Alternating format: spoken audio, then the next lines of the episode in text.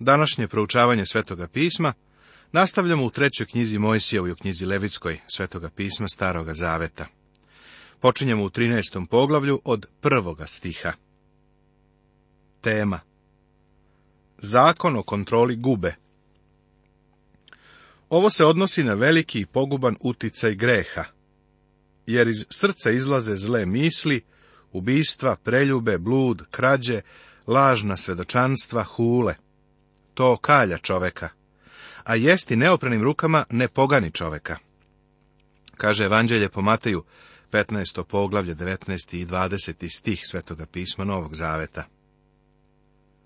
Dolazimo do još jednog neobičnog dela ove knjige, do dela o gubi. Neko bi zapitao da li ovo ima neko značenje za danas. Želeo bih da kažem da je cela ova knjiga praktična i primenljiva i danas. Sada smo u delu knjige koji smo naslovili Svetost u svakodnevnom životu. Bog brine za ponašanje svoje dece. Vidjeli smo da je brinuo za njihovu hranu, a sada u poglavljima 13, 14 i 15 vidimo da se bavi gubom i očišćenjem telesne nečistoće. Guba i telesna nečistoća su precizni simboli manifestacije greha u srcu čoveka pokazuje nam veliku pogubnost greha, kao i njegove efekte. Levitska knjiga, inače treća Mojsijeva, je akcenat stavila na greh. U središtu ove knjige, koja se bavi službom svetom Bogu, nalazi se prošireno poglavlje o gubi i pitanjima tela. Prljavština i odbojnost greha su predstavljeni kroz gubu beznadežnost i smrtnost greha su vrlo tačno oslikani. Gubavac koji se vukao vrelim, prašnjevim, orijentalnim drumom i vikao nečist, nečist, bio je Izraelcima podsjetnik da je i on moralni gubavac, kome je potrebno nadprirodno očišćenje. Prijatelju, možda si ti od onih koji misle da će biti spaseni dobrim delima i da ti nije potreban Hristos kao spasitelj. Hoću da kažem ovo da možeš otići u nebo takav kakav si, bez Hrista, morao bi da kroz nebo hodaš i govoriš nečist, nečist. Nijedan anđeo te ne bi smeo dodirnuti čak ni dugačkom motkom. Ne bi mogao da priđeš Božjoj prisutnosti. Vidiš, čovjek ima ideju da ima nekakvo pravo na Boga, ali mi na njega nemamo baš nikakvo pravo. On nama ništa ne duguje. On bi mogao da izbriše iz postojanja ovu malenu zemlju na kojoj živimo i to u svemiru ne bi ostavilo baš nikakvog traga. Ali hvala Bogu, on nas voli. Tako sam srećan što nas voli. To je jedino što je Boga moglo da veže za nas. Bog nas ovdje ubeđuje u nešto, a to je ono isto u što je ubeđivao i Izrael. Greh je strašno poguban. Ovo poređenje između gube i greha je tema koja se ponavlja u Svetom pismu. Nema zdrava mesta na telu mome od gneva tvoga, nema mira u kostima mojim od greha moga. Usmrdeše se i zagnojiše se rane moje od bezumlja mojega. Priznajem krivicu svoju i tužim radi greha svojega. Kaže psalam 38. u trećem, četvrtom, sedmom i 18. stihu. Ovako mi u stvari izgledamo pred Bogom. Prorok Isaija je također na umu imao gubu, kada je opisivao grehe naroda. Od pete do glave nema ništa zdrava, nego uboj i modrice i rane gnojave, ni isceđene, ni zavijene, ni uljem zablažene. U prvom poglavlju u šestom stihu ove knjige čitamo. A on bolesti naše nosi i nemoći naše uze nase a mi mišlja smo da je ranjen, da ga Bog bije i muči. A on bi ranjen za naše prestupe, izbijen za naša bezakonja, kar beše na njemu našega mira radi i ranom njegovom mi se isceli smo. Knjiga proroka Isaije, 53. poglavlje, 4. i 5. stih. Sada, neki kažu da on ovde govori o gubi i da je reč o fizičkoj bolesti. Ne, prijatelju. Isaija govori o grehu koji je stavljen na gospoda Isusa Hrista. Možemo li u ovo biti sigurni? Slušaj šta kaže apostol Petar. On je na svom telu poneo naše grehe na drvo, da se oprostimo grehova i da živimo za pravednost. Njegovim ranama ste isceljeni, zapisano je u prvoj poslanici Petrovoj, u drugom poglavlju, u 24. stihu bili smo mrtvi u grehu, i On je na svom telu naše grehe odneo na drvo. Njegovim ranama smo isceljeni. Istina je da je fizička bolest manifestacija greha i da iza klica bolesti leži greh. Da nije bilo greha, ne bi bilo ni bolesti, ni smrti. Dve važne stvari treba da uzmemo u obzir na početku ovog poglavlja. Prvo, Biblija se ne slaže sa opšte prihvaćenim stavom da je guba u to vreme bila neizlečiva bolest. U trećoj knjizi Mojsijevoj, u 14. poglavlju se spominje očišćenje. Bilo je i nadprirodnih isceljenja, kao u drugoj knjizi Carevima, u petom poglavlju isceljenje Nemana, generala. Neki tumači Biblije smatraju da je Jov imao gubu. Pošto u to doba nije bilo naučne dijagnoze te bolesti, razmatralo se o tome šta je guba. U to vrijeme su imali lekove koji su se koristili za lečenje gube. Ovo i sljedeće poglavlje ne sadrže lek za gubu. To treba dobro upamtiti. Ova poglavlja sveštenicima daju uputstva o tome kako se guba otkriva i koje mere treba preduzeti da bi se sprečilo njeno širenje po okolu. Nakon što se guba očistila, postojao je ritual koji je trebalo ispoštovati. Ovde nije dat lek za gubu. U 14. poglavlju reč je o obrednom očišćenju od gube nakon njenog isceljenja, a ne govori se o samom leku. Glavni cilj je da se nauče velike duhovne istine u vezi sa očišćenjem od gube, koja predstavlja greh. Ovo nije naučna rasprava o otkrivanju, prevenciji i lečenju gube. Ovde se ne nastoji da se pruži medicinska dijagnoza bolesti. Dijagnoza je praktično bila podešena ili usklađena sa znanjem toga doba.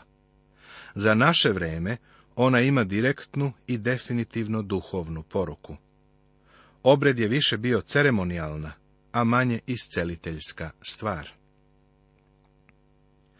Neki hrišćani lekari su diskutovali o tome da li je guba, kakvu mi danas poznajemo, ista bolest koju obrađuje Mojsijev zakon.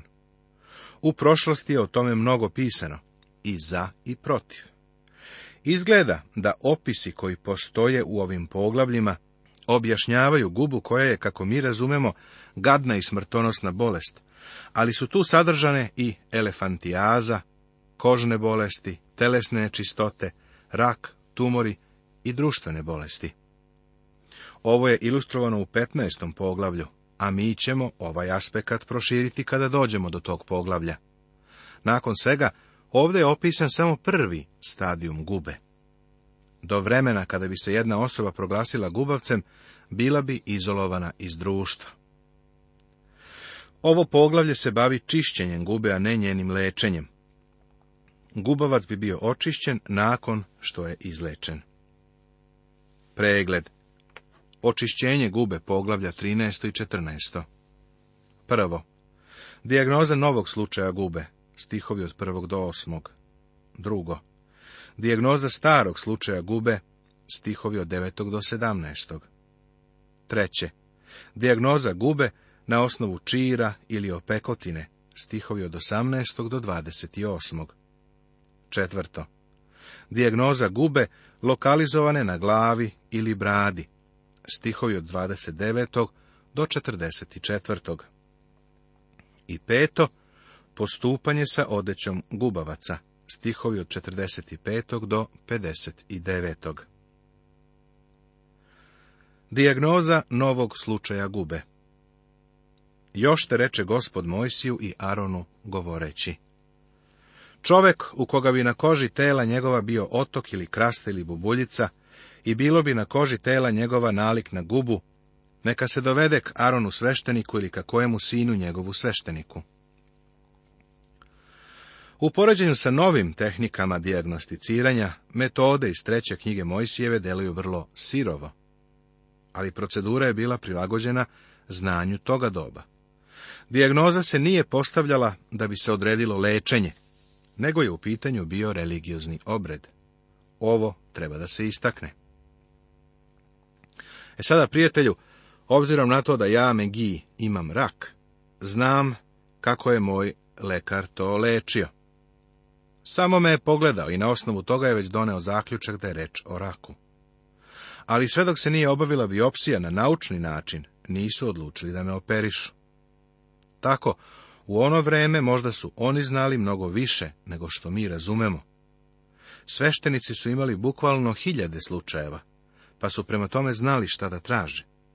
Možda to i nije tako sirovo, kao što mi danas mislimo da je bilo. Možda to i jeste bio prilično dobar dijagnostički sistem. Ipak, ovdje je akcenat stavljen na duhovnu ceremoniju, a ne na fizičko očišćenje. Ovdje su identifikovana tri simptoma. Otok, krasta ili čir i bubuljica ili mali tumor, svetla promjena. Ovo su simptomi gube, ali osoba koja te simptome ima nije obavezno gubavac. Prvi korak je bio da se osoba sa tim simptomima dovede Aronu ili nekom od sveštenika. Baš tako. Svaka manifestacija greha, mala ili velika, treba odmah da se donese pred našeg prvosveštenika, koji je i naš veliki lekar. Za sve treba da se molimo. Ovo podrazumeva svaki vid greha. To je mesto na kome treba da odemo i kada smo fizički bolesni. Nedavno sam primio jedno oštro pismo, u kome je pisalo da ne treba da budem tako ponosan, nego da odem kod jednog izvesnog iscelitelja. Rekli su mi da bih bio isceljen samo kada bih prevazišao svoj ponos. Prijatelje, ja sam svoj slučaj iznao pred velikog lekara, pred gospoda Isusa. Kod njega odem kada zgrešim, ali odem i kada sam bolestan. Prvo treba na to mesto otići. Ovo ne znači da nisam išao kod lekara kada se razbolim, ali sam prvo išao kod Isusa. Pristupajmo dakle slobodno prestu blagodati, da primimo milost i nađemo blagodat kad nam zatreba pomoći. Stoga i može sasvim da spase one koji njegovim posredstvom prilaze Bogu, pošto svakda živi, da se moli za njih. Kaže poslanica Jevrejima, četvrto poglavlje 16. stih i sedmo poglavlje 25. stih.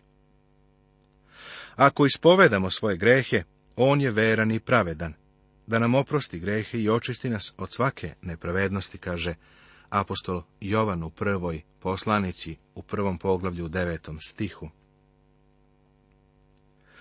I neka sveštenik vidi boljeticu na koži tela njegova.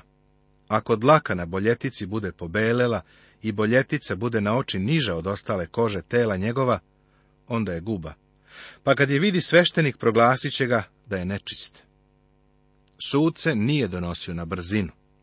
U toku izvesnog perioda čovek ili žena su posmatrani. Ako bi povreda na koži počela da nestaje, osoba bi bila otpuštena. Ako bi dlaka pobelela, značilo bi da je odumrla, što je ukazivalo na to da je bolest ispod kože. Tada je sveštenik osobu proglašavao nečistom.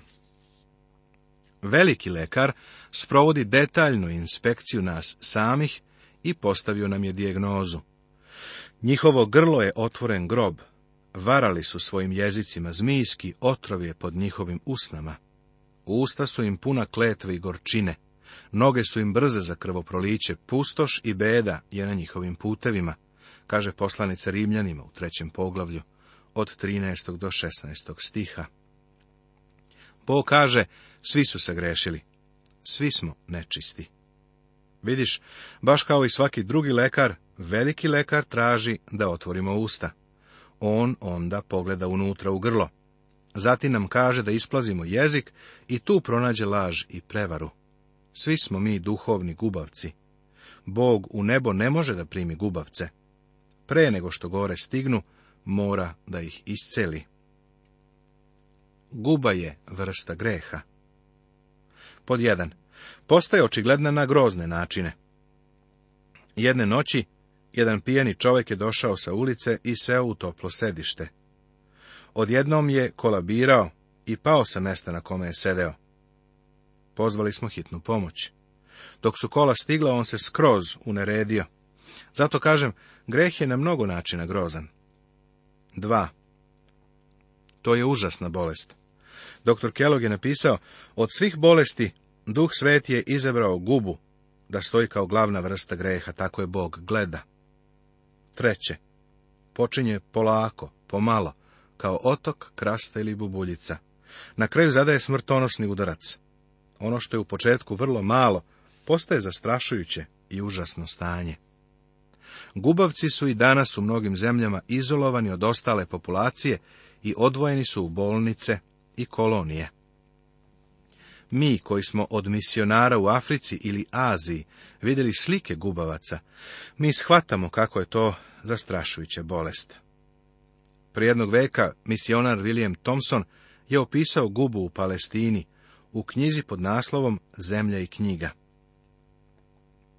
Dok sam se približavao Jerusalimu, odjednom mi je pažnju privukla pojava gomile prosjaka, bez nosa, bez očiju, bez kose, bez svega. Podizali su svoje ruke bez šaka, a iz grla bez nepceta su im izlazili nezemaljski glasovi. Jednom rečju bio sam prestravljen. Greh u detetu izgleda beskrajno mali. Možda se prvo pojavi kao neka svetla promjena, tačkica. Roditelji i rođaci misle da je njihov mali sin baš sladak, kad se tako ponaša, kad viče, udara nogicama. Ako sinčić ne bude lepo vaspitavan i ne doveden do spasavajućeg poznavanja Hrista, Postaće bezakonik, a možda jednoga dana čak i kriminalac. Lenin, Stalin, Hitler, svi su nekada bili male, slatke bebe.